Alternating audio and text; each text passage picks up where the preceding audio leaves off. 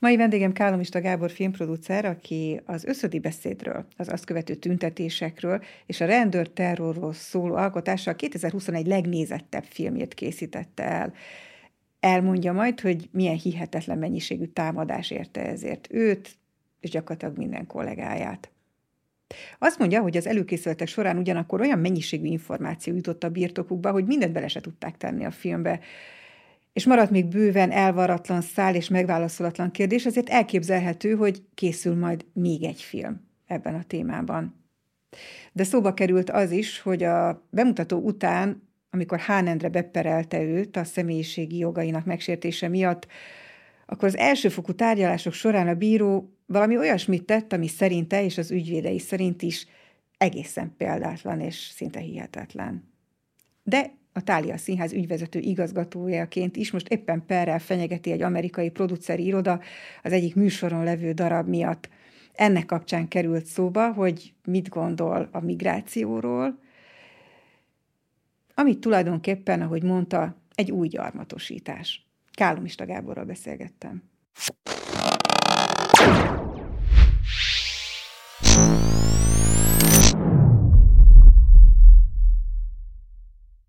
Vendégem Kálomista Gábor, filmproducer, a Tália Színház ügyvezető igazgatója. Szervusz, köszönöm, hogy elfogadtad. Szervusz, örülök, hogy itt lehetek.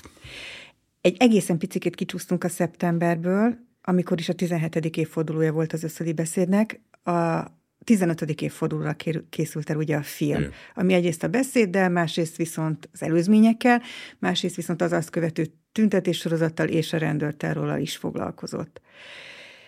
És hát most a múlt héten megint történt valami, ami váratlanul aktuálissá tette a kérdést, az bizonyítja, hogy ez még mindig aktívan érdekli például a szakmát. Znamenák István színész adott egy interjút, és hát ez fontosnak tartotta elmondani, hogy ő nem ment el annak a filmnek a castingjára, mert hogy ebben nem akart részt venni. Ezt te is szoktad érezni, hogy ez a mai napig még, még, még felfelbukkan, mint téma? Hát könnyű úgy nem elmenni, ha valakit nem hívnak. Tehát, őt, nem, őt nem is hívtátok? Igen, hát szóval számtalan színész ebben próbálkozott, hogy ő ma a castingra sem ment el. Ebbe egyébként nem hazudnak.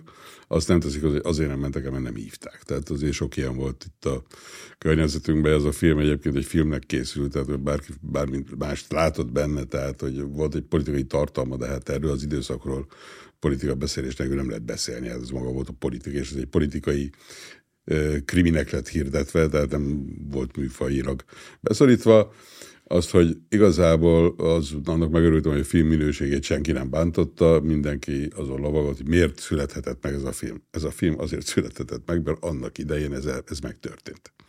És ugye a filmesnek nincs más dolga, mint fogni egy kamerát, és hogyha akar valamiről szólni, akkor beszéljen róla. Tehát én azt gondolom, hogy ez egyébként komoly feladatunk, és a filmeseknek és a művészének is komoly feladata, hogyha rá tud világítani egy kicsit visszamenő olyan társadalmi problémákra, amire eh, rá kell világítani, amit akkor így meg lehetett úszni 2006 és 2010 között, akkor ezt meg kell tenni. Úgyhogy mm, kollégák mm, arra büszkék, hogy nem jöttek el castingra, ez egyébként ez mókás, mert én akkor nem járok az zöldségesben, mert nem veszek banánt. Tehát eh, ez vicces, viccesnek tűnik nekem. Azt mondtad, hogy ha azt gondolja valaki, aki filmmel foglalkozik, hogy meg akar csinálni egy témát, jó. Miért akartátok ezt megcsinálni? Nyilván számtalan kérdés volt az egész ügyel kapcsolatosan. Ezekre a kérdésekre rá tudtatok világítani, de nyilván megoldani nem lehetett minden kérdést. Van olyasmi egyébként, ami neked a mai napig kérdés, és szeretnél választ? Az átlagnál nagyobb információkkal rendelkeztünk ebben a filmmel kapcsolatban, hiszen ez nem úgy történik egy film, hogy az ember fogja és neki áll, tehát ráadásul amikor ilyen sikamlós talajra téved, és azért mondjuk a lajtán túl ezt azért jobban csinálják, mert ott egy ilyen film kettő év múlva elkészült volna, és bemutatják. Tehát mi voltunk eddig szemérmesek ebben a témában, és a meg a film és a, a társam, a Hermeci Dorottya, neki is az a, a véleménye, hogy műfajokat kell teremteni, tehát olyan műfajokat kell megpróbálni a magyar mozikba, ez egy kis kitérő, ami eddig nem volt. Tehát mm-hmm. csináltunk gyerekfilmet, politikai thrillert. Tehát ez, ezt a műfai dolgot, ezt, ezt érdemes feszegetni. Ez egy jó műfaj volt arra, hogy ezt a 2006-os történetet elkezdjük elmesélni. Még azért mondom, hogy elkezdjük, mert még azért közel nincs vége, tehát itt azért még van birtokunkban olyan tudás, amiből még egy vagy két film kijönne.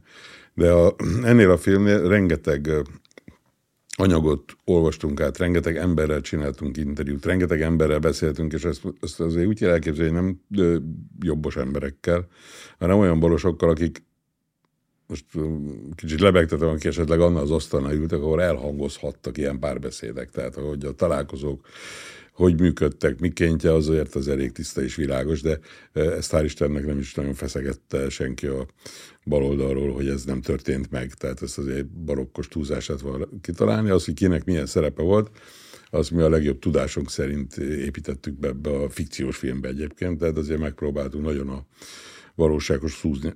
Nagyon sok mindent ki kellett belőle hagynunk, amit az én vehemenciám bírt volna, az angol rendezője meg nem. Miért kellett kihagyni? Azért, mert nem, tehát csak olyan dolgokról akartunk beszélni, aminek gondoltuk, hogy ennek lesz egy felkérdezése utána, amit úgy azért nagy biztonsággal meg tudtunk védeni. Tehát azért nem tettünk bele teljesen vállalhatatlan dolgokat, amik elkövetődtek, mert nem tudtuk olyan szinten dokumentálni, hogyha ebből gond van, de ti bizonyítottnak tudtátok ezeket Hát a mi úgy éreztük, hogy igen, de azért dolgozott egy csomó jogász, és a rendező is azt, rendező is azt mondta, hogy itt jó filmet akkor lehet csinálni, hogyha igaz.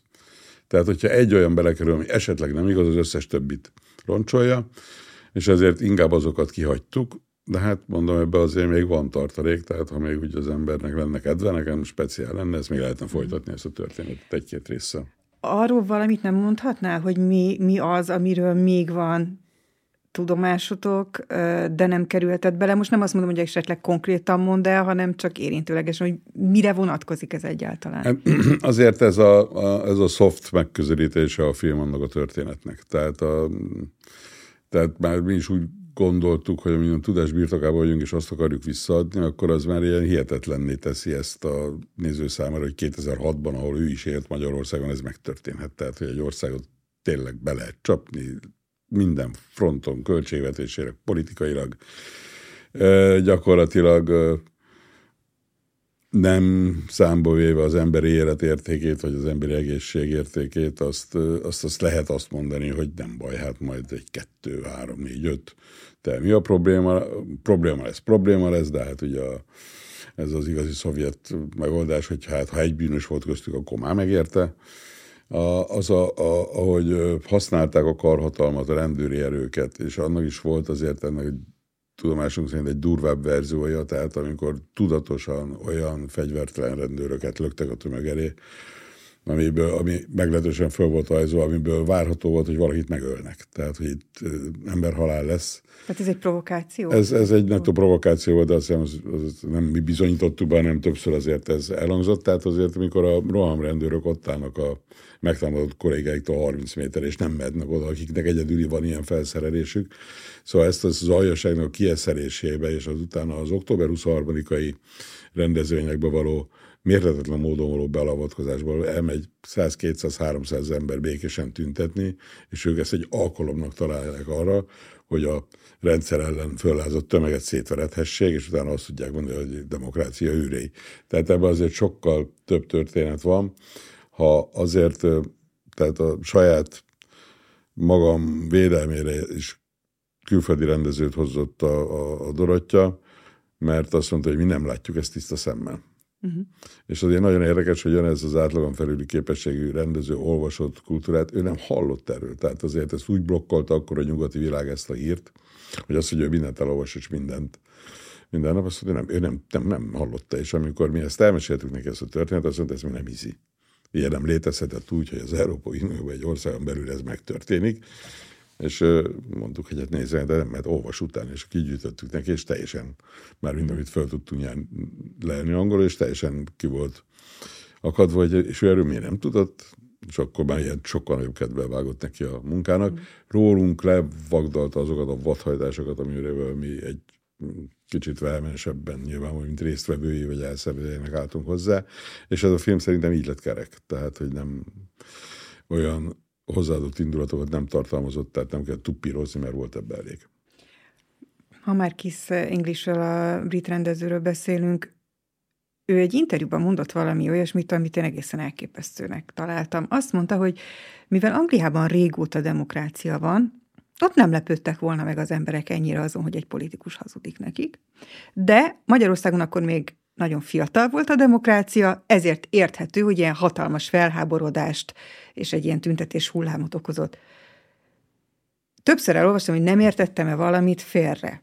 Tehát azt mondja egy brit művész, a nyugati demokrácia egyik bölcsőjének, hazájának a polgára, hogy ja, az egyébként a demokráciának egy velejáróra, tessék szesnek hozzászokni, hogy hazudnak a politikusok, és persze most nem álnaív akarok lenni, mert hazudik a pék, meg a, nem tudom, a, a, az ügyvéd, meg a tanár, meg bárki, mert ez egy emberi tulajdonság, de így nem erről van szó, hanem ő azt mondta, hogy ez egy természetes dolog, majd hozzászoktok ti itt Magyarországon is, hogy a politikusok bizony hazudnak, és becsapják a választóikat.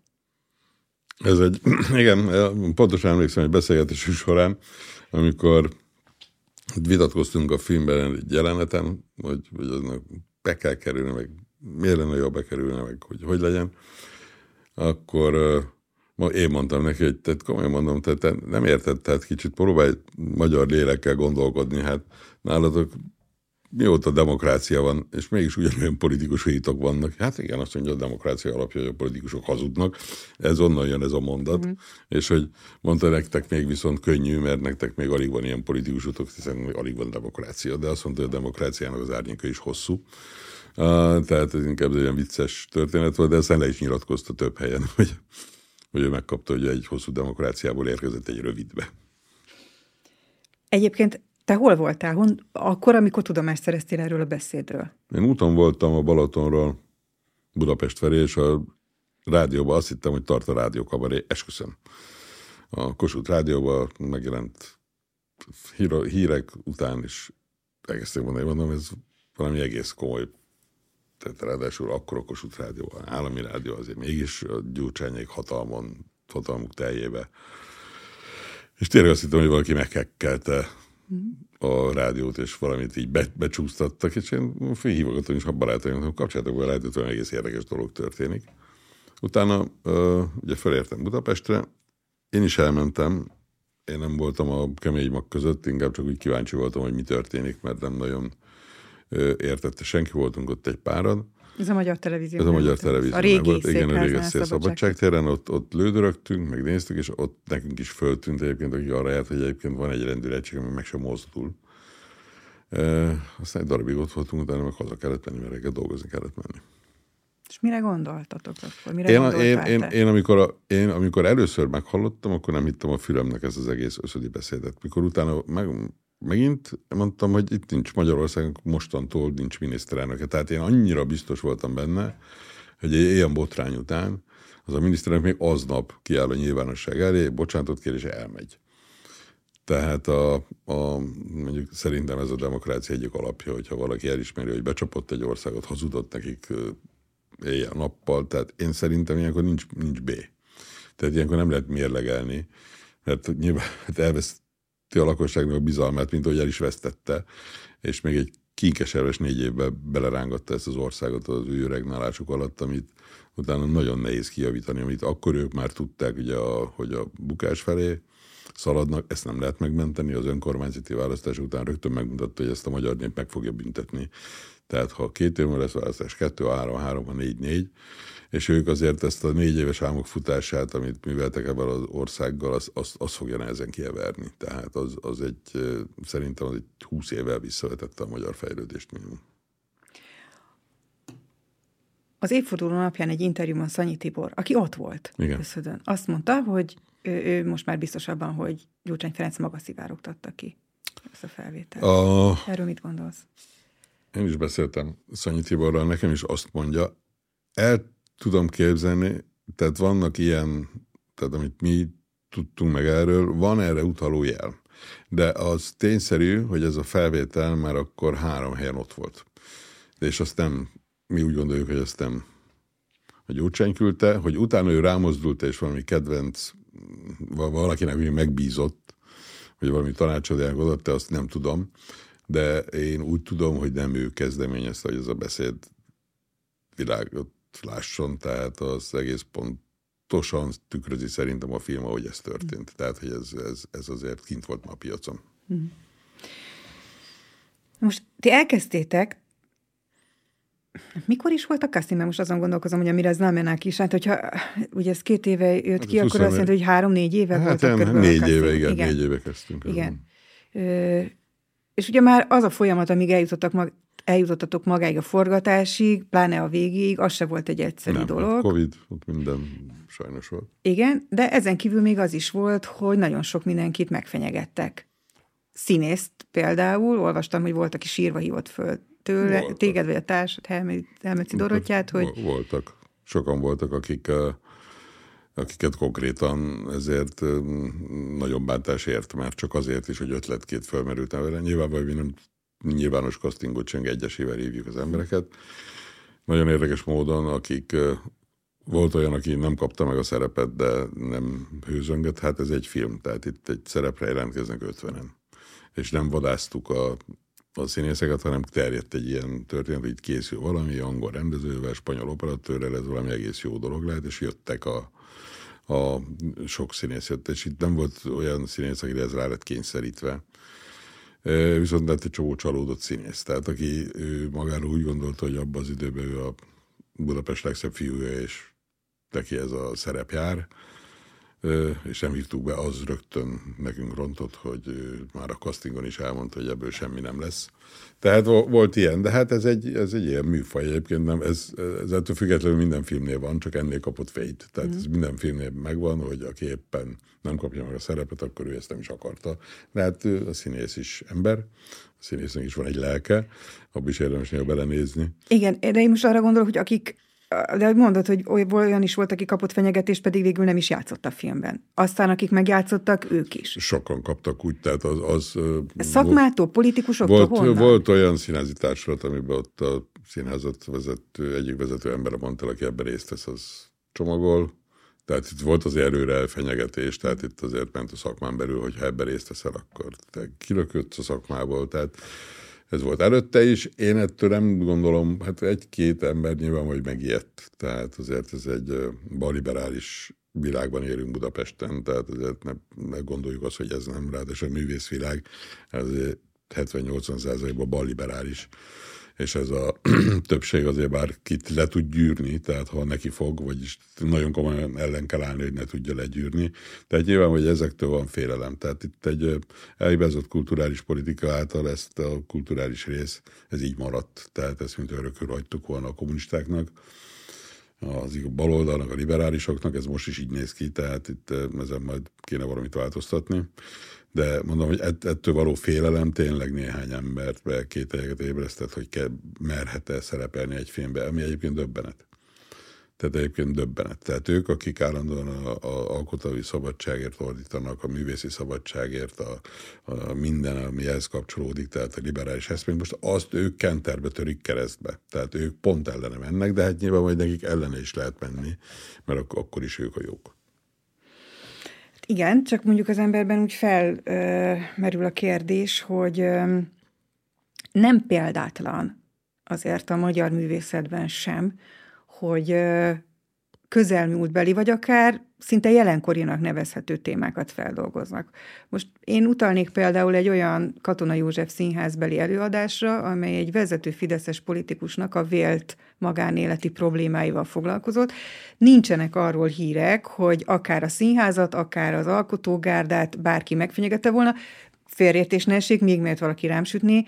Nem azt mondom, és pláne nem akarom messze álljon tőlem, hogy bárkit bármiért megfenyegethetnének, sőt, Ugye ez a normális, ha nem. Csak az emberben meg úgy felmerül, hogy rendben van, de akkor negyedik kétharmad után, abban a pillanatban, amint valakik művészeti eszközökkel fel akarnak dolgozni egy a baloldal számára kellemetlen, kényes témát, annak viszont ez az eredmény. Hát hogy hát ezt én is megpróbáltam a viták során erről ebbe az érvelni, tehát amikor ő, ők csinálnak valamit, ami egyébként meglehetősen ízléstelen, valaki regnáló politikus feleségéről, meg családi történetéről.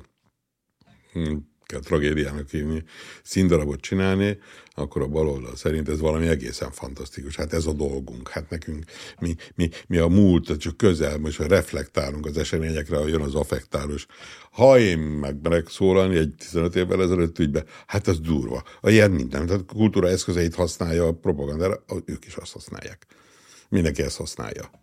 Tehát azért ez egy belük belég csípődött kettős mérce, és ezen a filmen látszott, hogy az, ez a szerencsétlen film, ami, amin átment, tehát ami, ahogy ez, hogy az életbe tudott maradni, mint egy kétségbe, és egy csecsemő kapálódzott a, a nagyon rossz indulatú mozilánc, aki szintén nem szerette a filmet, a, a csalás sorozat, ami végig kísérte ezt a filmet ebbe. Tehát azért, azért a hálás vagyunk, hálásak vagyunk a nézőknek, hogy azért csak az év legsikeresebb filmje lett, csak legnézettebb a televízióban. Mindent össze-visszavert, és még amióta tudom, bármikor, bárhol vetítése kerül, azért szépen megy. Tehát én azért nekem reményt is adott ez a film, mert lehet győzni. Tehát ez nem egy nagy győzelem, ez egy kis csata, de látszik, hogy azért ott tudunk mi lenni, ha akarunk. 2021 legnézettebb magyar Igen. filmje lett. Amikor a csalást emlegetted, akkor a mozi láncokra gondolsz, amelyek Persze. nem voltak halandók. És e- egyébként most nem csak a, a multiplex, azért, ha jól tudom, akkor a Corvi mozi sem. Hát, hát senki nem, mozi, senki nem akarta, tehát a, ugye ennek a moziknak vannak gazdáik. Ugye ezeket üzemelteti, vagy a főváros, vagy egy nagy multinacionális lánc, akivel eleve nem ápolok harmonikus kapcsolatot, mivel moziba foglalkozom, mert én szerintem mérhetetlenül inkorrektek és és mindenféle versenyhivatali problémába beleütköznek, aminek néha a hangot is adtam, de ez egy másik beszélgetés része lehetne. Tehát a, a, a tehát azon, tehát amikor ugye elkezdtük, akkor mondták, hogy ez a film nem lesz. Akkor ott minden nagy tudós filmes kimondták azt, hogy hát ez nem tud elkészülni, mert nincs erre idő. Baromira erő volt készítve, a Dorottya nagyon megcsinálta, elkészültünk, de akkor ment közben ez a vekengés, hogy ez nem lesz, meg nem is olyan, meg szar lett, meg ők már tudják, meg tehát ment ez, a, ez, ez nyilvánvaló, hogy kapja a film.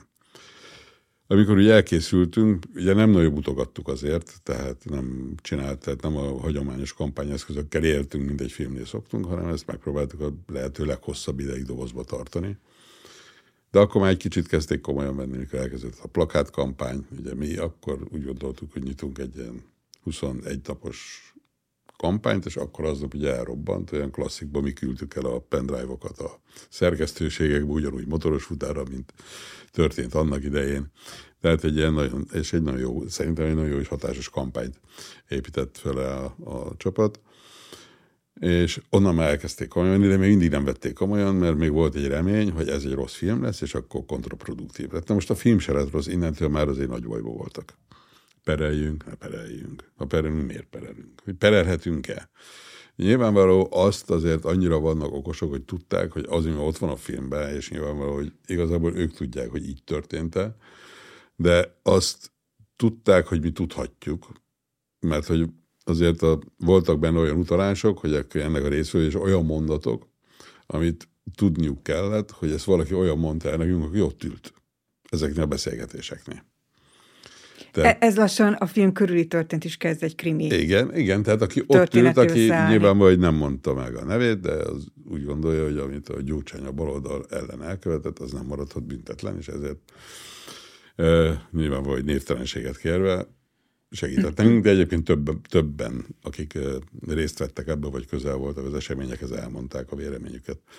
Tehát innentől volt egy kicsit éles a dolog, hogy hát most csináljunk? Vicceljük el, ugye a Gyurcsány megpróbált elviccelni, ő volt a legnagyobb promótere a filmnek egyébként, tehát ő rengeteget foglalkozott vele.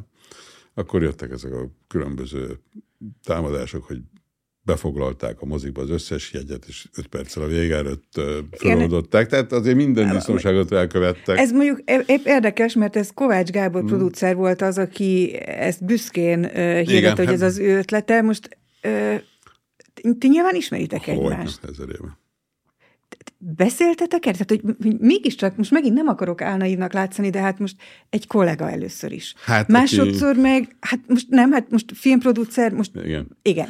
De a másik meg, hogy, hogy azért lehet, hogy én rosszul gondolom, de ha egy filmnek rosszul megy, egy magyar film, az nem igaz, hogy nem hat ki a többire. Először is nincs annyi magyar film egy évben, Másodszor is nem, nem igaz, hogy akkor az nincs rá hatása, ha az egyiket ellehetetlenítik, és nem lesznek nézők. Azért az, az, az, az azért tényleg kell, Isten mentse, hogy bármi, de az kell egy beteg lélek, hogy én otthon ülök és kitalálom, hogy egy filmmel most úgy fogok kiszúrni, hogy befoglalom a, a helyeket, és ugye arra már ugye néző nem tud jegyet venni, mert ugye az be van foglalva, majd némi összejátszással a mozival nem fél órával hamarabb oldjuk fel a el nem jegyeket, hanem 5 perc előadás előtt, és az addig házat mutató előadás leesik háromnegyed házra vagy félházra.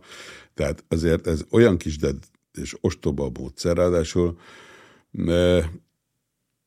sokkát csinált a filmnek, mert ugye az első hete a filmnek nagyon fontos, és ott ez, ez, és ez mm, fontos lett volna, de igazából mondtam, hogy nem baj, aki meg akarja, meg fogja nézni. Tehát majd megkeresi a lehetőséget. És akkor ugye egy egész egyedi dolgot kellett csinálnunk, ami szinte példátlan, hogy erre előadásra nem lehetett jegyet foglalni. Ez se tett jót neki, mert ugye már ment, hogy manipulálnak a jegyekkel, meg tártázacság, meg úgyse lesz egy, tehát jót nem tett neki semmiképpen. Vesztettünk is pár tízezer nézőt a mi matekunk szerint, de hát ha ez boldogát teszi őket, akkor legyenek ettől boldog, de mondom, ilyen kispályás, pitjáner, ravasz, és ahogy írják egymásnak, ugye, mert kikerült az összes e-mailezésük véletlenül, hogy hogy százasával, meg más névdől, de akkor aztán a, végül már a mozi engedte, hogy ugyanarról az IP címről foglaljanak négyesével, mert négyet lehet legtöbbet, de ugyanarról foglaltak százat. Tehát ez annyira ostoba, annyira kispályás, tehát ötlettelen, ilyen kis homokozóba való játék, hogy ők itt tartanak szellemileg és képességeséleg, hogy ezt csinálják. Kivettük. Megkérdezted Kovács Gábor, hogy ezt, ezt, Meg, ezt persze. miért? Miért csinálta? És mit Meg, mondott? Hát mert, mert, mert, mert lehet. De nem lehet egyébként, tehát a, ha megnézzük, hogy jogilag se lehet, tehát hogy mikor egy olyan szolgáltatást direkten veszek igénybe, amire egyébként más igényt tartott, az nem frankó. Nem lehet, Kovács Gáborom annyi perem volt, hogy unom, megmondom őszintén, tehát nem nagyon mm, tud mást mondani, mint eddig, meg hát ugye, ha valakit figyelemmel követi, nem szeretném még reklámot csinálni, de én soha az életemben nyilván sem nem mondtam róla semmit, ezt így is teszem. Uh-huh. Ő viszont folyamatosan abból ér, hogy engem gyaláz valamilyen fórumon, és abból majd lesz egy újságcikk, de egyébként még ez se zavar, mert minden, ez se zavar, mert mindenki a helyére kerül egyszer, szerintem ez most már kezd kialakulni, tehát én nem foglalkozom vele, majd egyszer iszom vele egy kávét, és megkérdezem, hogy nyugodt a lelkismerete.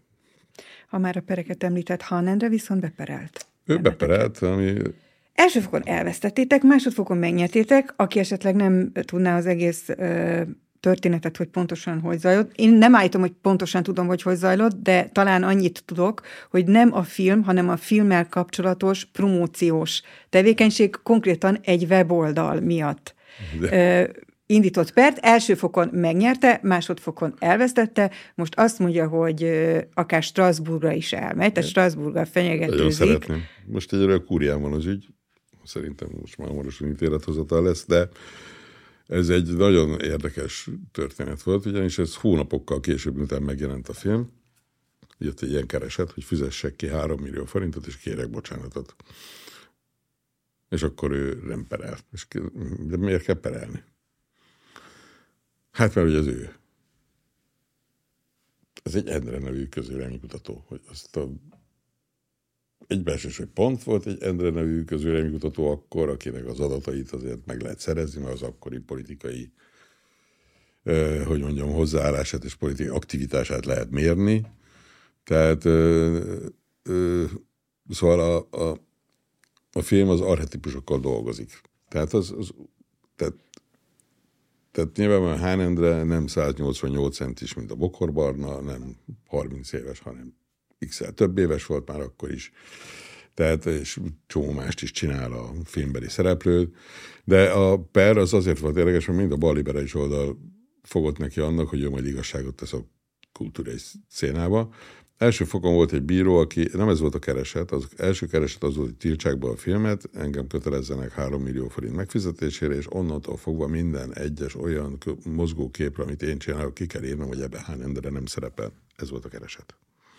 Tehát ez volt a kereset.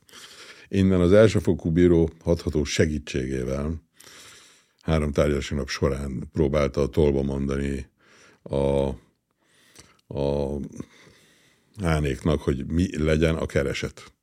Mert az ítélet már megvan, de kéne hozzá egy kereset.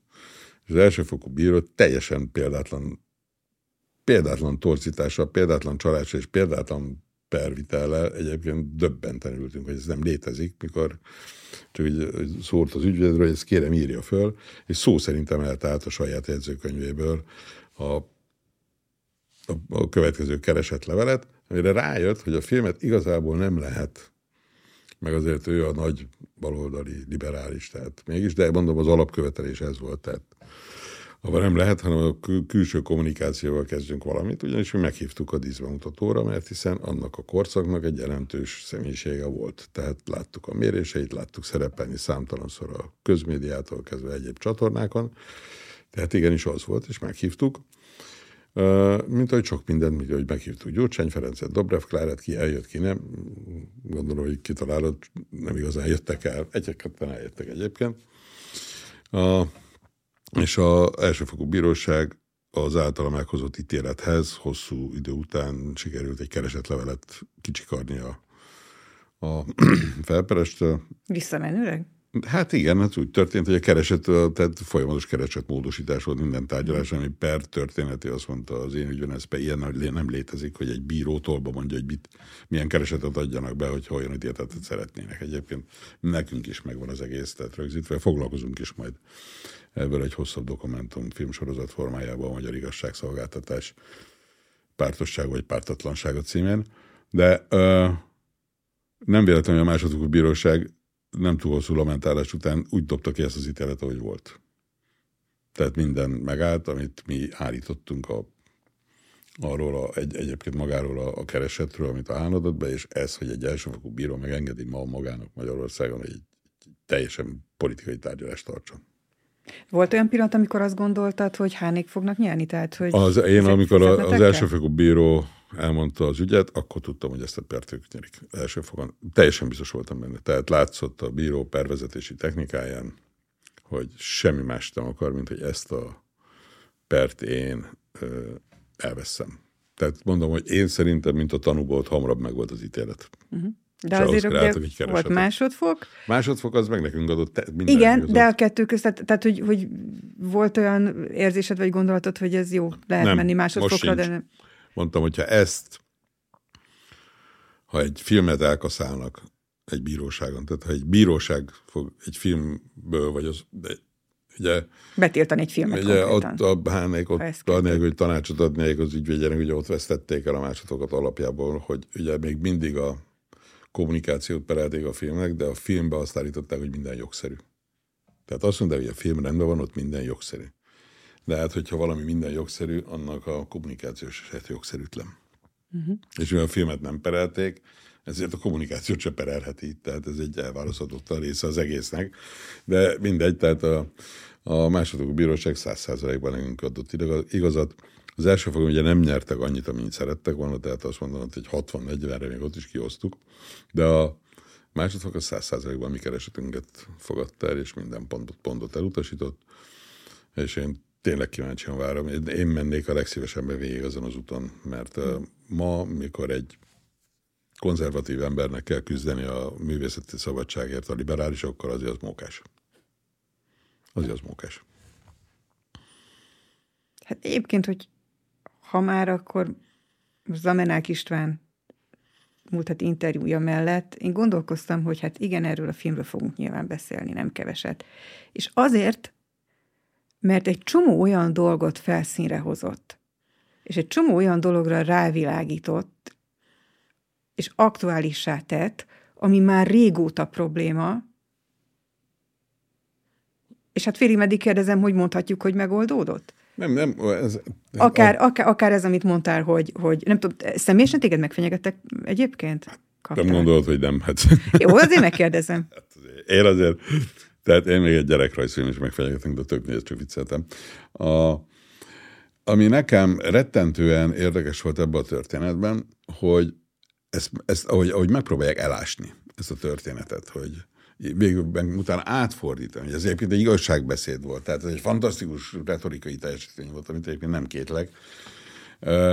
Tehát, hogy ahogy, ezt a, ahogy ment a szerecsem mostatás ennek a történetnek, hogy igen, akkor ez kellett, és igen, nem is volt baj, hogy akkor megtisztult a szocialista párt is. Tehát a, egyszerűen azt nem tudtam, és ugye van egy számos gyerkem, gyermekem, és a két kisebb, de nem igazán tudta, még nem éltek, vagyis egyik már élt, tehát nem igazán tudtak erről az eseményekről. Tehát ki milyen habitussal hallgatja meg ezt otthon. Ki az, aki szívesen beszél róla, ki az, aki nem.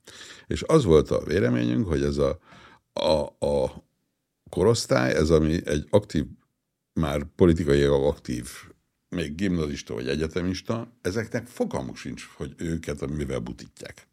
Mondom, nem oktatófilmnek szálltunk, de abban történetet fel kellett újrahozni, és a leghitelesebben el kellett mesélni, mert ugye ez a fiatal generáció, ez már nem élt a kommunizmusba, neki már, neki ez már tényleg történelem. És a történelmet nem mindegy, hogy hogy éri meg, hogy volt ez a nagyon kemény srác, ez a Fletó, aki aztán ott jó, elmondta nekik, aztán rendet vágott, aztán meg most ott szenved, mert ő szegény. Nem, nem így történt. Egy hazárulás történt. A magyar demokrácia újkori történetének a legnagyobb sebe, amit itt itt, itt elkövettek ellene. Tehát egy, egy országnak nem lehet azt mondani, hogy becsaptalak téged, te hülye. Hát most választottál meg, de én mindenféle rossz adatokat közöltem. Tehát milyen abszurd ez. Szerinted ez a sebe, ez mikor, hogyan hegedhet be? Hát a, beheggetni, én nem, én nem tudom, tehát az olyan mély történelmi sebek, amit Magyarországot érték, a Trianonról beszélhetünk, vagy egy csomó mindenről beszélünk, ezek nem tudnak beheggedni. Vagy ha engedjük, hogy beheggedjenek, akkor újabb ugyanolyan mély sebek keletkeznek. Tehát aki a saját történelméből nem tanul. Tehát aki nem tanulja meg, hogy igen, ezek a gyurcsányék ilyenek. Ő nekik már a családjuk is ilyen volt, aki egy elkobzott zsidó villába éri az életét, és a párt, és a bolgár kommunista párt, és tehát, hogy, hogy amit, tehát van egy feladatunk, aminek, mint film is meg kell felelni, meg annak is, hogy azért ezek a korszakok, az jelentős történelmi korszakok. Ha ezt hagyjuk elfelejteni, akkor Gyurcsány Ferenc holnap után visszatér. Ez csak úgy most egy példaként mondom. De ha nem beszélünk Trianonról, az örökké fájni fog. Tehát vagy ki kell beszélnünk ezt a történetet, mi elég sokat foglalkozunk vele, és valahogy hogy rendezni kell magunkba, de ezek a sebek nem, nem, nem gyógyulnak be, de nem is gyógyulhatnak be. Tehát ez, ez, ezek azért a magyar társadalom testén olyan mély sebek, amiknek, amiknek emlékezni kell, tehát nem csak a heget kell majd simogatni, hanem ezeket ott kell tartani, hogy tudja meg legalább egy-két-három generáció, hogy ez, ez, ez így volt, ez nem, nem úgy van, hogy ők mesélik. Jó, akkor úgy fogalmazok, hogy egy ilyen kár, ha történik, ami az egész társadalmat érinti, és hogy mondott a történelmi jelentőségű kár esemény. Mondjuk, hogyha most mondhatjuk, hogy miről beszélünk volna, ha valami lett volna, de mondjuk még mindig megtetni. Ha mondjuk Gyurcsány Ferenc kiáll, elmondja, hogy mi volt, és mondjuk bocsánatot kér. A... Ez nem tudom, hogy például neked ez hiányzott-e, hogy ez ny- Nyilvánvaló. Ja. Szóval ugye amikor ezek megtörténtek, utána mindenki sokkal belvensebb volt, mindenki börtönt emlegetett. Egyébként ebbe volt egy csomó köztörvényes dolog, amit meg lehetett volna vizsgálni. Én nem tudom, hogy ez miért nem történt meg, de nem vagyok politikus, nem az én dolgom. Tehát a, a, avval ő nem fogja megmutatni a népet, hogy ő bocsánatot kér, mert nem hiteles. Tehát az ember maga nem tud hitelessé válni. Tehát azért a, a, a még azok, akik emlékeznek, azért azt tudják, hogy belettek csapva. Tehát úgy adta le a voksát, hogy be volt csapva akkor a pillanat és a pillanatban, és a magyar azért nem egy megbocsájtós népség. Tehát itt nem is személyesen kéne, a korszakokat kéne valahogy tisztába tenni, hogy, hogy, hogy, hogy olyan alternatívát mutatni fönt mindenkinek, hogy igen, ez egy ilyen korszak volt, így viselkedtek, és akkor rá fogsz jönni, hogy kutyából nem lesz szalonna, tehát hiába fogják neked azt mondani. És ugye ezeket a ezeket kéne előtérbe helyezni. Tehát nem tud ezért bocsánatot kérni senki. Tehát egy, mert, egy, mert ez megtörtént, és ezt nem lehet visszacsinálni. Tehát nem, nem lehet a saját hadseregemmel, a saját rendőri erőmmel, a saját népemre támadni. Tehát ezt, ezt ennél elegánsabb módszerek vannak Dél-Amerikában. Tehát ezt nem lehet megtenni, és ezt nem is lehet megbocsájtani, mert aki egyszer lövetett, az másodszor is fog. Félreértés ne esik, nem mintha ez egy reális jelenet lett volna, amit az imént én mondtam, Gyurcsány Ferenc bocsánatkérése, hiszen nem erről van szó, és most megint megérkeztünk a jelenbe, hiszen a DK őszi nyitó gyűlésén éppen az hangzott el, hogy Dobrev Klára kormányára van szükség az országban.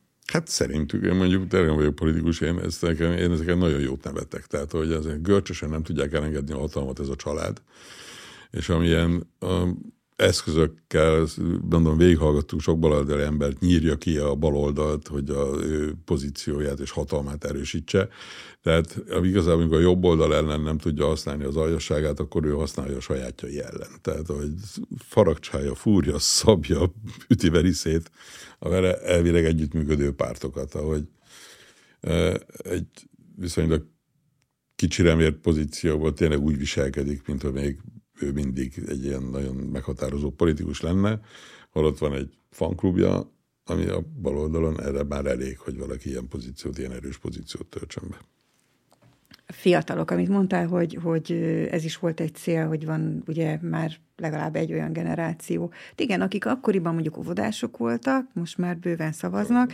Én beszélgettem néhány fiatal kollégával a filmbemutató után, Természetesen, amit mondok, nem reprezentatív, de ezt teljesen őszintén mondom, mindegyik, mindegyik el volt ragadtatva a filmtől. Úgy nézték valóban, mint egy történelmi, politikai krimit, de ugyanakkor borzasztóan érdekelte őket. Nagyon sok minden volt, ami számukra, mint információ volt jelentős és fontos, és főleg új. Érdekes volt nagyon nézni, hogy, vagy hallani azt, hogy, hogy, hogy ők más szemmel nézték mint mondjuk én, aki aznap este dolgoztam és ezért voltam ott a Magyar Televízió akkori székházánál. Ti, mond, ti mentetek iskolákba? Mi rengeteg helyen voltunk. E, igen, iskolákba is. Iskolákba keveset tapaszt... mentünk, voltunk iskolákban. Is. Mhm. De... Tapasztaltátok ugyanezt, hogy fiatalok valahogy egész ott más szemmel nézik? Mi közönség találkozók voltak, ott, ott nagyon sokan voltunk, tehát ilyen mozikba, Szombathelytől, Zalaegerszegen keresztül, Nyíregyháza, Debrecen, tehát mindenhol voltunk, és ott megszervezte egy mozi, éppen egy jobb érzésű mozi vezető, ilyen közönség találkozókat, és én, én megmondom őszintén, hogy tartottam, hogy ki az, aki ott mer maradni, van ehhez aktuálisan vonatkozó kérdés, és mit lehet erre mondani. Úgyhogy azért a film is megmaradjon, és egészen döbbenetes volt, amikor azt vettem észre, mondjuk Egerbe, hogy már a harmadik termet nyitják ki a filmnek, és özöllenek a fiatalok.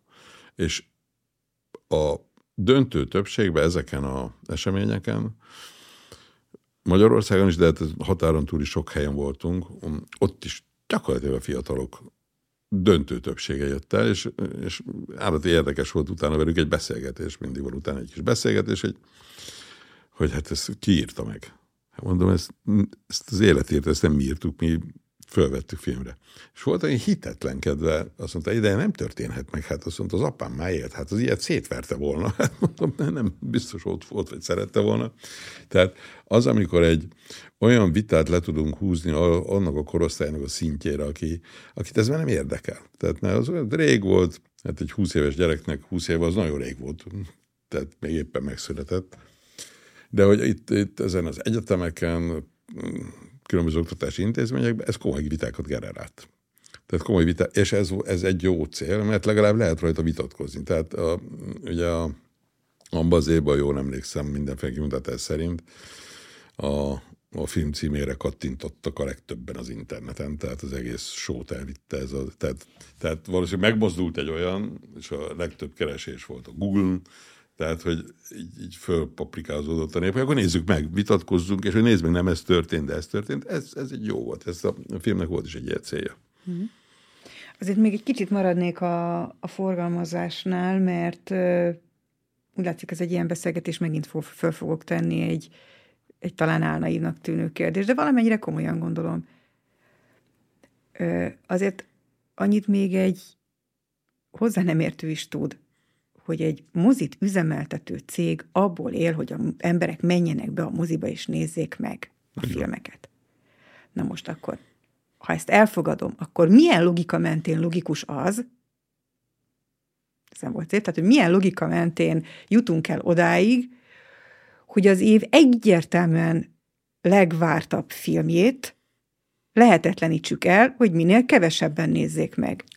Hát ezt úgy hívják politikai bosszú, ennek ezeket nincs más útja módja. A, ráadásul a magyar film, az összes magyar film egy őretes handicapben van a magyar mozi hálózatban, mert a magyar mozi hálózat nincs magyar kézen. Ezért harcolsz évtizedek én, én, én évtizedek óta, óta azt gondolom, hogy nem egészséges, nem egészséges egy országban 92 százalékos piaci részt tart valaki a saját kezében, tehát ezt a világon, Európai Unióban, de még Bangladestől Bengálig is engedik meg. Tehát, hogy el tudja dönteni egy filmnek a sorsát, meg az attól de hogy hány előadást ad neki. Nyilvánvaló, hogy erre a filmre itt se értük el, tehát itt is a legminimálisabban szorított be, tehát a legrosszabb időpontokat, tehát borzasztó meccset vívtunk velük, de mondom, ezt régen vívom, ennél viszont már azért, hogy olyan kijött köztünk nem csak a meg nem értés, hanem a SP és kulturális különbség is. Tehát azért, azért szembe ment már egymással. És a, a, a iszonyú erővel tudtuk beleverni a mozikba. Tehát iszonyú erővel. Tehát a, én ebben nagy harcos vagyok, tehát ezt rólam tudja mindenki. Nekem egy filmem szerepel a moziban, én addig megyek, ameddig el lehet menni. Volt nekem elég sok bajom is. Tehát engem nem szeretnek. Én mondtam még, hogy ha ezt most megbuktatjátok, konkrétan elmondtam, én, amit eddig műveltem veletek, az lánykérés volt. Azt vegyetek lánykérésnek, az volt az udvarlási szakasz, és most. És a végül, akkor volt már a társadalmi nyomás, és ugye semmi más nem tudtunk számítani, mint hogy elkezdtük elmondani, hogy nem engedik be a moziba. Hogy ott, ott, ott, ott egy pici résen engedték. Hmm. Picirésen beengedték, de meggyőződésem, hogy együttműködtek el ezek a csalókkal, akik a jegyeket foglalták. Én azt is gondolom, hogy azért nem a tényleges nézőszámot jelentős kaptuk meg, mert például voltam olyan moziban, ami teljes teltház volt, másnap a jelentésben csak egy negyedház szerepelt. Tehát ott azért, ott azért az is ér egy jó filmtémát, hanem is mozit, de egy ilyen jó bűnügyi kategóriát ér, hogy bizajlik ott. Ez a magyar belpolitika tudta erre rávenni őket, vagy nem is volt Hát ez nem, magyar, ez nem, ez nem, nem, nem magyar, ez egy külföldi cégben van, és a külföldi cég nem azt gondolom, hogy kifejezetten kormány kedvelő, akinek a kezében van ez a mozi állózat. Mennyire oldódott meg ez a probléma? Tehát mondjuk, hogyha te fognád magad, nekiállnátok, csinálnátok akkor egy folytatást, amit már mondtál, vagy akár azt a dokumentumfilmet arról, hogy milyen volt az igazságszolgáltatási rendszer, ami eddig történt a film kapcsán. Számíthatsz arra, számíthatsz arra, hogy valami jobb lenne? Például a forgalmazás szempontjából? Nem, vagy? ez nem lesz jobb. Tehát amíg, tehát amíg itt ez ilyen nettó piaci alapon van kezelve, ellentétben az összes közép-kelet-európai ország, de az európai országok nagy többségével szembe. Tehát egy, egy, egy magyar film kisebb sanszot kap, mint az általuk forgalmazott G kategóriás amerikai film, mert ugye egy teremben egy filmet lehet egyszerre vetíteni, és nyilvánvalóan, hogy mindig a magyar filmet lögdösik ki, még akkor is, ha jól megy, mert ugye a saját által leszerződtetett mozinak kell biztosítani a helyet, de mondom, ez egy hosszabb történet a mozinál. Ez nem, ezt törvényen lehetne változtatni, én dolgozom rajta, nem adom föl, tehát ilyen de mindig valahol elsikkadunk a valamilyen éppen szakértőnél, hogy ezt miért nem lehet, most már talán el fogunk jutni, de ezt miért lehet, mert egyszerűen muszáj a magyar kultúra megörcésének a szempontjából, de most az összes magyar filmről beszélek. Tehát Természetesen, tehát, tehát nyilván, a, hogyha egyet érintene, akkor bármelyiket. Tehát, itt nem, itt nem az, hogy segítik a magyar filmet, hanem itt iszony erővel tapossák, mert ugye nekik nincs erre szükségük, tehát nem, ők az amerikai blockbustereknek a utánjátszásából keresik a pénzt a popcornból, meg a elcsalt kólásdobozból, amit ugye még, a, mint hallottuk a hírekben, még amit azt is megteszik, hogy a kórásdobozt, amit kidob a néző szemétbe, azt újra hasznosítják, de ezt azt jelenti, hogy újra tölti és újra eladja. Szóval elég meredek vállalkozás ez. Szét lehetne ott nézni akár de ezzel nem fog változtatni. Az, hogy tartalmilag fog, az nyilvánvaló, hogyha olyan témát fog meg az ember, amik itt, mm, ami érdekes. Tehát például nekem barom érdekes, hogy ez a bíróságok hogy működnek. Tehát engem érdekel, hogy hogy tud két olyan ítélet születni az egyikben. Telj, majdnem teljes mértékben elmarasztal, a másik pedig teljesen felment. Tehát, és ez ugyanarról a bíróságról beszélünk, mert az emberek azért nem úgy beszélnek, hogy az elsőfogú bíróság, másodfogú bíróság, kúria, hanem a bíróságokról beszélnek. Tehát, hogy hogy lehetnek ezek az ítéletek, hogy tudnak megszületni. Szerintem ez egy nagyon érdekes téma, és ebben érdekes, érdemes foglalkozni.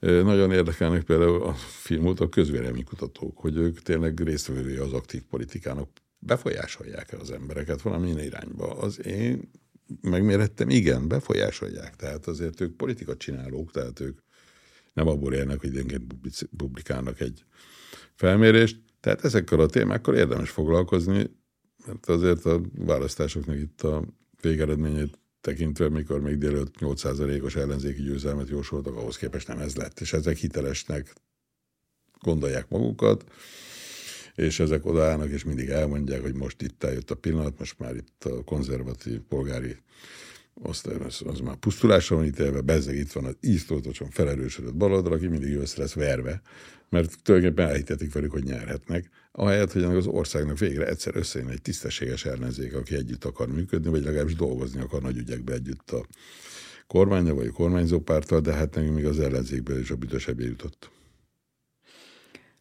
Most itt, hogy a mozikról beszélgetünk, meg a moziforgalmazókról, azért azt ne felejtsük el, hogy lehet, hogy lesz nekik egyébként is bajuk, mert hát azért borzasztóan jön föl tőlük teljesen függetlenül a másik platform, tehát a megosztók, a videó megosztók. Na most jó, ott se nagyon látom ezt a filmet, hogy bárki kirakta volna, hogy meg lehet nézni.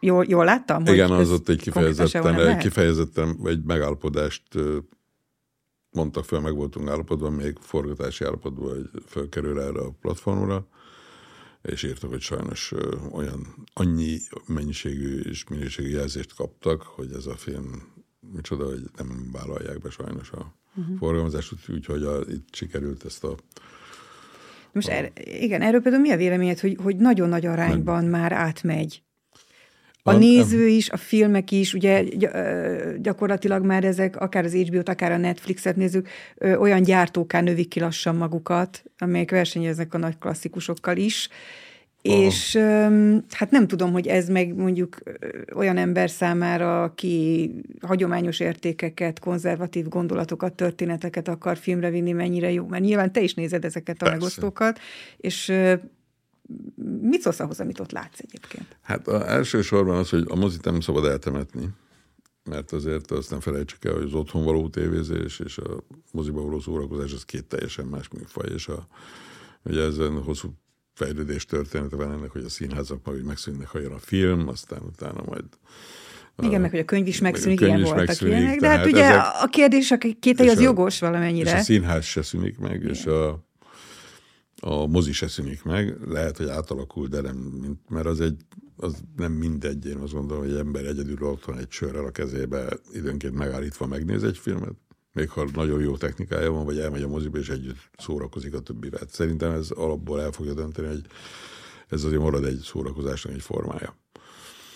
De most elfejtettem, hogy mit kérdeztél. Mert, hogy amikor ja, nézed, ja, akkor mit? Hát ezek nagyon magas ezekhez? színvonalú dolgok, és ugye sokan rájöttek, többek a norvégok, akik eldöntötték, hogy kik a vikingek, tehát megcsinálták a sorozatot, kifizették, van pénzük, és onnantól mindenki úgy tudja, hogy a norvégok vikingek, és a svédek olyanok, amilyenek, a izlandiak ilyenek, tehát szépen egy, egy olyan korszakot lezártak egy sorozattal, erre remek egyébként ez a dolog. Tehát erre, ha megnézzük ezeket a politikai tartalmú krimieiket, vagy sorozataikat, ami azért néha az a jelenre, azért úgy helyre, helyre raknak dolgokat. Tehát úgy én azt gondolom, hogy ez egy jó dolog. Tehát ennyi tartalmat, mint ami elkészül, már nem lehet befogadni. Tehát mhm. ez a és még mindig tartalomínség van. Tehát egyre másra alakulnak ezek a streaming csatornák, tehát tartalommal föl kell tölteni.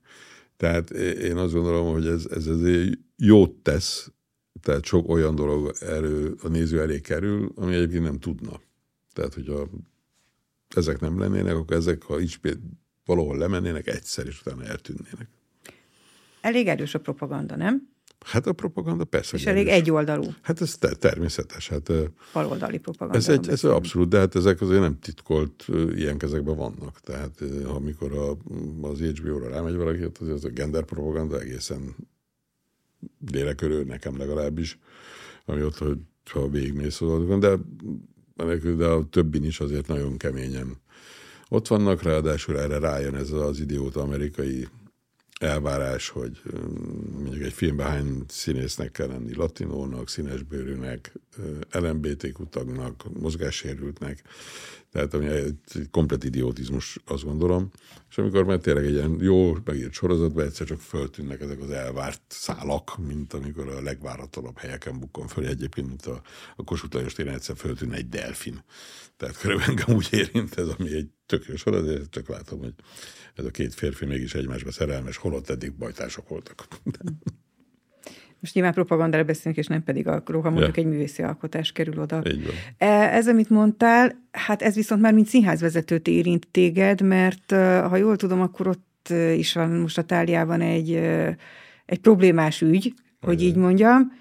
Érdekelne majd, hogy hol tart. 2016 óta játszátok a Nagy Kézrablás Igen. című. Martin McDonough egy rendkívül sikeres hát most bu- bulvár most top, szerző. Igen. És hát nyilván közben jött a Covid és a lezárás, de hát mégis a 2016-ban legkésőbb ti már megvettétek a jogokat. Igen. És akkor most, az idei évad előtt váratlanul rájöttek az illetőnek a producerei, hogy nagyon nem tetszik az, ahogyan ti ezt a darabot bemutattátok. Konkrétan a BLM, tehát a Black Lives Matters Igen mozgalom nevében blackface-t kiáltva tiltakoznak, hogy egy bizonyos afroamerikai szereplőt miért nem afroamerikai színész játszik. Ha jól értem, ez a igen, fő gond? Igen, hát igen, tehát itt, itt jön az a nyomrult lelkismert, hogy miért nem voltak gyarmataink, mi miért nem öltünk millió számra embert, miért nem hurcoltak el őket hajó aljára láncolva, és miért nem, dolg, és miért nem dolgoztattuk embertelen körülmények között. Ez 2016-ban ők nem tudták, hogy valószínűleg akartuk, nem. Miért nem lőttük le őket, tehát ez a, ezek a gyarmatosítók, ezek vezekeljenek, ne, ne, ne rajtam.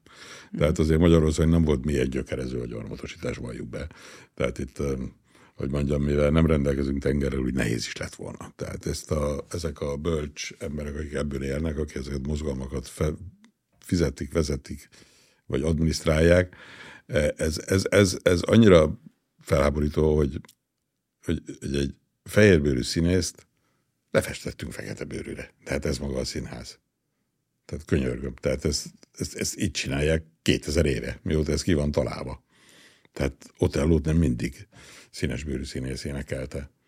Tehát, a, tehát egyszerűen ez, ez annyira mocskos beavatkozás egy történetben, hogy én tisztelem, én Isten bizony mondom, én tényleg a Black Lives tisztelem, küzdjenek az igazukért, ott, ahol küzdeni kell.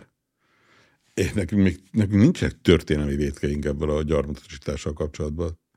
Tehát komolyan mondom, én szívesen beállok ebbe a mozgalomba, hogyha ez a mozgalom mindegyik tagja kiteszi a nagy magyar címerton pólójára, és majd velünk sajnálkozik Trianonért.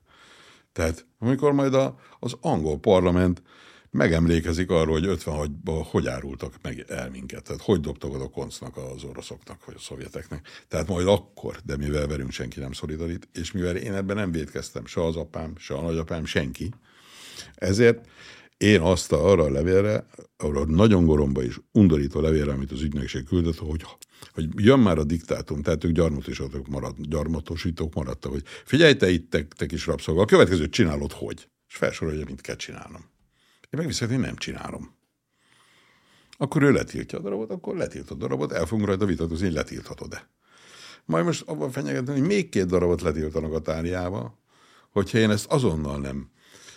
Az ő, ő ők, hogy füttyentenek egyet, és itt ha valaki nem ugrál, tehát nem ugrik föl örömébe, hogy jaj, hívott a gazda, és végre kell hajtani a feladatot, akkor onnantól fogva elkezdenek mindenféle fenyegetni. Én egyébként átlánnál sokkal jobban bírom a fenyegetést. Ez az ügy meg tetszik is nekem.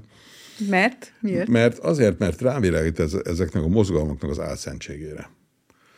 Tehát, hogy a MeToo mozgalom is oké, okay, történnek ilyen esetek, el kell ítélni, börtönben van, csukva mindenki, de oké. Okay. De attól azért nem kell egy férfi és egy nő közötti kapcsolatot most már olyan gyanúperrel kezelni, hogy azt mondják, hogy egy decsinos vagy, akkor te holnap azt mondod, hogy hát ez szexuálisan zaklatott. Tehát nem kell kiölni a társadalomból a kedvességet, a bájt, az udvarlást, a flörtölést, mert ez kiölik, akkor kiölnek mindent. Evel a blackface-szel, meg a BLM-mel meg tényleg úgy vagyok, hogy igazuk van. És azok az országok, akik kirabolták őket, Hollandia, Belgium, Portugália, Spanyolország, Egyesült Államok, adjanak nekik egy jó nagy kártérítést, vagy adják vissza az, az ellopott kincseiket Egyiptomnak, amiből azért sok európai múzeum parádésan ér. Adják vissza, adják vissza azoknak az embereknek, akiké, akik ebből, vagy fizessék ki, és fizessenek egy baromi nagy kártérítést a gyarmatosító országok azoknak, akiket gyarmatosítottak. Hozzák rendbe a gazdaságukat, hogy hadd tudjanak ott élni az emberek, mert ugye miután kirabolták, úgy hagyták ott, mint, a, soha nem érdekelte volna magukat. Fejezzék be az új gyarmatosítást, mert ez a migráció, tehát most már annyira hülyének nézik ezeket az embereket, hogy már az úti költséget is felük fizetetik ki, hogy ide érjenek, és ők majd tudjanak válogatni belőlük, hogy ki fog itt dolgozni, a többit meg kinek adjuk oda. Tehát ez, ez, ez, ez, ez a gyarmatosító logika, ez bennük marad, ez nem fog kimenni egy-két-három generáción keresztül, és ők most is gyarmatosítanak. És ha valaki nem tapsol annak, hogy ő ír egy olyan levelet, amiben nekem feladatot ad, egyébként vele nincs dolgom vele, akkor csodálkozik, ha valaki azt mondja, hogy te tudod, hova menj, és én megírom, hogy hova menjen. Ami itt nagyon érdekelne engem, két dolog. Az egyik, hogy ugye annyira azért nem vagyunk naivak, hogy azt gondoljuk, hogy Martin McDonough ügynökségének tagjai 2023-ban váratlanul elkezdték nézegetni a Budapesti Tália Színház előadásairól készült képeket, és rájöttek arra, hogy itt egy nagyon erős sérelem érte őket, ahogy nevetsz, látom, te sem ezt gondolod. egy névtelen feljelentő, egy bátor névtelen feljelentő, és ennek alapján indított nyomozást. Egy névtelen feljelentés alapján indítottak nyomozást, ami egyébként nem bonyolult dolog, mert fölmegyek a honlapunkra, és ott van. De abból mondjuk ugye igazából azt értem, hogy nagyon el van maszkírozva a fiú, hogy ebből hogy állítják, hogy tényleg nem az. Egy kicsit nem az. És ugye egy ezer dologgal lehetett volna ilyenkor élni, és kicsúszni ebből, és nem állni bele a vitába, hogy lenyilatkozza ez a fiú, hogy ő lélekben már pedig úgy érzi magát, hogy ő fekete. Mm. És ő ezért akkor festi magát feketére, amikor arra. Lehettek volna ilyen olcsó poénok, ugye hát a Porgés Besz volt a operában, ami szintén hasonló módon úszta meg, hogy minden énekes azt mondta, hogy a lelkébe fekete, és onnantól nem lehet vele mit kezdeni. Bár ott Görcsvin egész pontos leírást adott a, a, erről a történetről, de mindegy, és a, nem mondtam, hogy nem menjünk el ebbe a megúszós irányba, tisztázzuk, tisztázzuk, tehát tisztázzuk, hogy mi van mögötte. Tehát ez egy megúszós irány, persze ők is ezt a levelet várták szerintem, most erre kaptak egyet, hogy nem. Nem, nem hagyjuk végre, amit kérsz. Kész. Nincs Mert ugye azt várták, hogy majd, van, azt majd valahogy... hogy majd valami majd... ilyen, amit ők is majd el tudnak számolni a Igen. 2500 dolláros óradíjuk ellenében, hogy akkor írtak még egy levelet. Nem ezt kapták, és azóta is meglehetősen feszült a viszony az ügynökség és köztünk, de hát ezzel most majd elvitatkozgatunk a Tehát magyarul biztos, hogy ez magyar belpolitikai indítatásból valaki... Persze, hát ezt innen jelentettek fel. Persze, mondom. Ezzel. Igen. A másik meg hát mondjuk, hogy 2016-ban, amikor nyilván tárgyaltatok arról, hogy akkor hogyan és miképpen történik majd a színpadra állítás, hogy akkor úgy nem... Hát fel sem merült, hogy... de bennem, amíg ez a levél meg nem érkezett, ilyen abszurditás fel sem ne, nem hívták fel a figyelmet, hogy de vigyázat, kikötés, de, ha afrikai szereplőt hát afroamerikainak De látták is, látták ezt a darabot, voltak látták. itt, megnézték. Uh-huh. És akkor nem volt baj? Semmi. De hát mondom, én először azt hittem, valamelyik kollégám szórakozik velem, de láttam, de én megmondom, hogy gyerekek, ez, ez hülyeség. Hát ki írta ezt a levelet? Ez egy, ez egy hülyeség. És mondta, hogy nem, ez hivatalos. Ezt, ezt, ezt, én nem hiszem el, ne foglalkozzatok vele. Na másnap már jött az újabb dörgedelmes. És most volt tart akkor? Hát most éppen az ő dörgedelmesüknél tartok, amire megírtam, hogy pereljenek be. Uh-huh. Játszani e, fogjátok, mert októberben már ez... folyamatosan. Folyamatosan. Szénni fogjuk lesz. játszani. Nagyra az érdeklődés, Istennek, de és nagyon jó darab egyébként. Amikor 94-ben elkezdtél először televízióval, aztán filmet, hát már ott is igazából film gyártással foglalkozni gondolom álmodba sem jött volna az elő, hogy ez egy mennyire jó, hát nem mondom, hogy veszélyes út, de hogy ez egy, ez egy nem könnyű út, egy olyan út, ahol nagyon sok harcot meg kell vívnod folyamatosan. Hát... Vagy volt, volt, rögös, ilyen, volt ilyen gondolat, hát, hogy ez mire, ilyen rögös mire azért ez a klasszik műfaj, amit tehát, hogy magánproducer, az így velem kezdett bejönni, mert én, de és én elég nagy rössel ugrottam bele ide, mert akkor láttam, itt őrület, ami zajlik, hogy itt, a, itt semmi másra nem szól a dolog, mint hogy eltegyék a pénzt, már a filmnek nincs köze. És ugye én meg, nekem, én meg a piacról jöttem, tehát nekünk, nekünk én összeszedtem annyi pénzt, hogy ki tudtam fizetni egy filmet. Ilyet senki nem csinált, se addig, se azóta egyébként szó teszem, tehát amikor így teljes százszerzalékos magánfinanszírozásban egy mozifilmet, ráadásul akkor azért nehezebb volt, ez a 95-6 azért nehezebb volt a, a gazdasági helyzet, meg mindegy össze lehet rakni, de összeraktuk a cimmerfelit, és akkor ott jöttem rá, hogy ez egy itt a szakmában őrületes lehetőségeink vannak. Tehát itt, ez, ez, ez, ez, itt maradt a kommunizmus. Tehát itt nem volt rendszerváltás, tehát itt, itt, itt, itt van valami, itt meg lehet piszkálni dolgokat. Úgyhogy azóta van egy szinte állandósult vitám a filmszakban még azon részének megmaradt tagjaival, most már hál' Istennek a, egy újabb szemlélet kezd kialakulni, tehát majd egyszer elmúlik, de hát azért 75-80 évig viselte a vállán a kommunizmus súlyát ez a rendszer. Nehéz kijönni belőle, nehéz új arcokat találni, nehéz új embereket beépíteni a rendszerbe, de hát hál' nem, nem az én dolgom, tehát már csinálják. És én így, így szorultam ide a filmkészítők közé, hogy, hogy egyszerűen azt láttam, hogy ez egy olyan piaci rés, én üzletembernek tartom magamat, amiben elsősorban, amiben, amiben érdemes investálni, mert ez egy zöldmezős beruházás. Uh-huh. Hogy meg kell nézni, hogy ebből mit, mit lehet, és hogy lehet. Hát nyilván, hogy aztán az üzletember elmúlik az ember, mikor filmessé válik egy idő után, mert már, már akkor a film a fontos, tehát már nem azt matakolja, hogy a végén kerese vagy nem. Úgyhogy sajnos én is ebbe az irányba csábultam el. És egyetem miért kezdtél film iránt érdeklődni? Mezőgazdasági végzettségű ember vagy. Én dolgoztam is tisztességgel termelő szövetkezetben, amíg a szövetkezeti mozgalom 90-ben ki nem lépett belőlem. És hát úgy az útkeresés, tehát Magyarországnak a 80-es évek vége és a 90-es évek első két-három az útkeresés szólt, valljuk be és nagyon jó kapcsolatot ápoltam, én a Balaton felvidéken voltam borász, meg ott volt egy-két vállalkozásom, és Sáros Sándorral nagyon-nagyon régen jó viszonyban voltunk, akinek a szőlő telepítésébe tevékenyen részt vettem, mint fiatal agronómus annak idején a TSZ kötelékén belül. És a Duna TV megalakulásokkal én télen nem dolgoztam már, mert már ugye nem volt TSZ, és milyen nyári vállalkozásaim voltak, mondta, hogy nincs kedvem ilyen tévézni. Mondom, nincs.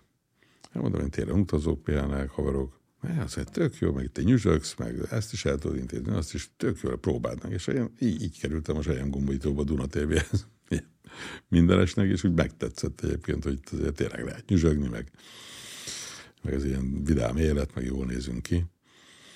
És akkor ott ragadtam, és később jött a film, amikor már mondjuk azt a filmes szakmát ismerni, ismertem, mert a Kári Berencében volt mindenki, ahol én is élek, vagy éltem, és most is ott élek tulajdonképpen.